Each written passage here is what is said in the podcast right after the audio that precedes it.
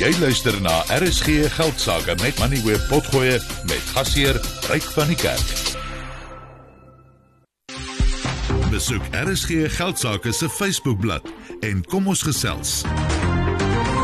Nou kyk as weer na die minimumloon van die nasionale minimumloon 'n nuwe ene tree in in werking op 1 Maart en dit beloop R27.58 per uur en dit is 8.5% hoër as die huidige ene. So vir 'n 8 uur werksdag is die minimumloon nou uh, R220 en 'n uh, minimum maandelikse loon sal sowat R4854 beloop en dit is as die as dan 'n 22 werksdae in 'n maand is. Nou die minimumloon is oorspronklik in 2019 ingestel en toe het dit R20 per uur beloop en dit geld vir alle werknemers in die land en dit sluit huiswerkers en plaaswerkers in. Nou ons het elke jaar 'n gesprek oor die minimumloon en daar's altyd twee kante tot die saak. Die een is dat die minimumloon die uitbuiting van desperate mense voorkom en die ander een is dat dit werkloosheid verhoog en dat Suid-Afrika met 'n rekordhoë werkloosheidskoers dit net eenvoudig nie kan bekostig nie. Tenis Dobison is van Solidariteit Navorsing. Um, hy is op die lyn. Uh, hulle het nogal taamlik in diepte navorsing oor die minimumloon gedoen. Tenis, baie welkom by die program. Eerstens, wat dink jy van die 8.5% toename in die minimumloon?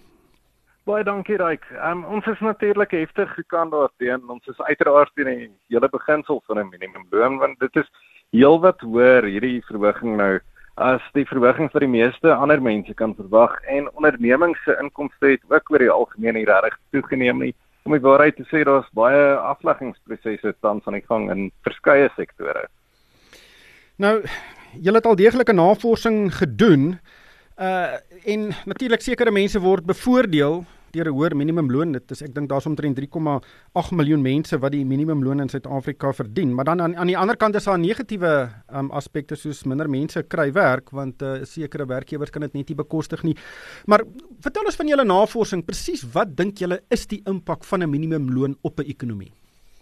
Ja, Ryk, um, dit het natuurlik 'n negatiewe impak op indiensname of nie noodwendig op mense wat reeds in diens is altyd nie op hulle ook, maar um, dit maak vinnig 'n land veral ontwikkelde la, ontwikkelende lande baie onkompeterend. Jy kan byvoorbeeld as jy nou Suid-Afrika wil vergelyk met 'n uh, ander Afrika land, na Tanzanië toe gaan jy kan daar ook toegang tot 'n hawe kry. Jy kan selfde tipe arbeid kry vir omtrent 'n kwart van die prys. So dit maak 'n ontwikkelende land se uitvoere vinnig onkompeterend. Dan sou ek ander navorsing wat wys dat in die meeste sektore staan nie noodwendige afname in werknemers nie, maar daar is 'n beduidende afname en die hoeveelheid ure wat werknemers werk elke keer wanneer die minimumloon verhoog word.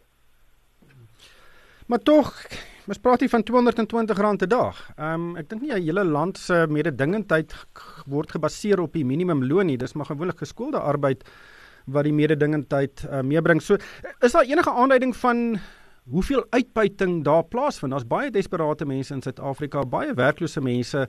Ehm um, en eh, die die doel van die minimumloon is om daardie uitbuiting uh te verminder of hooplik uit die weg uit te ruim.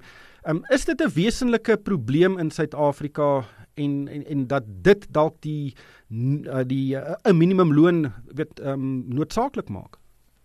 Ja, Ryk, jy het genoem van die 3.8 miljoen mense wat die minimumloon ontvang, maar dan moet ons ook nie vergeet van die omtrent 8 miljoen werkloses en 17 miljoen mense wat van werkende ouderdom wat nie ekonomies aktief is nie, wat baie van hulle sal enige werk wil hê en baie van hulle tel as ontmoedigde werksoekers want hulle het besef dat die kans vir hulle om werk te kry letterlik nie meer bestaan en toe moet opgegee so die statistiek word redelik skeef getrek. Nou ja, die uitbuitingsprobleem as jy na baie van die ander vakbonde luister is omtrent elke um, arbeidsverhoudinge werknemer wat uitgebuit word deur 'n werkgewer en dis natuurlik gek. Maar ongelukkig is daar uitbuiting in enige bedryf en die minimumloon sal nie veel doen om die gedrag te verander dan iemand wat reeds nie homself steur aan regverdigheid of aan ehm um, regulasies nie. Hmm. En dit is vreemd dat ons altyd sê ons glo aan die beginsel van 'n gewillige koper en 'n gewillige verkoper, maar as dit by arbeid kom, glo mense vir een of ander rede dat werkers nie weet hoeveel hulle arbeid werd is nie. Hmm.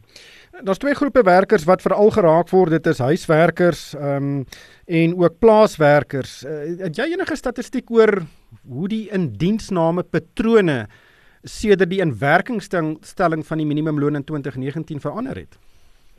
Ja, Ryk, ons kan 'n duidelike afswaai sien veral toe die ehm um, toe die minimumloon nasionaal van toepassing geword het en toe daar nie meer onder, onderskeid getref is tussen sektore nie en tussen plattelands en stedelik soos vir ook vir onderskeid getref.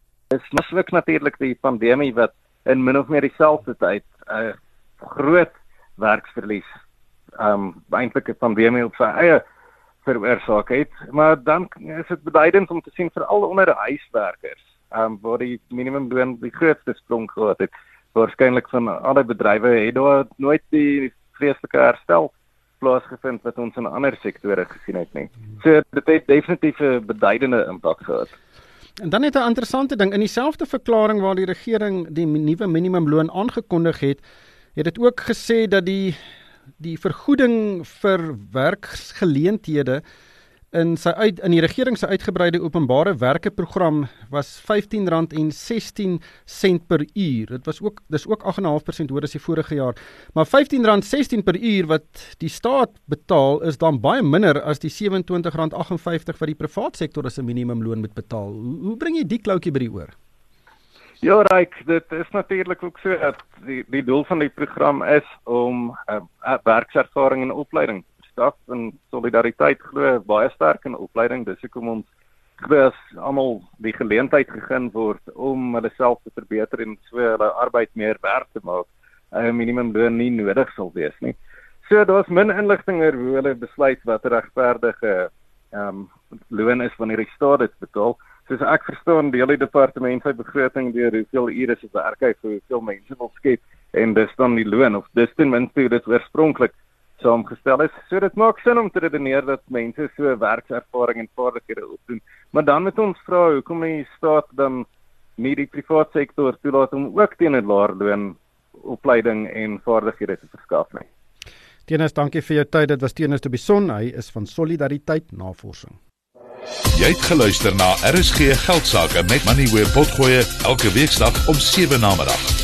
Vir meer Moneyweb potgoe, besoek moneyweb.co.za of laai die toepassing af en volg Moneyweb News om dagliks op hoogte te bly.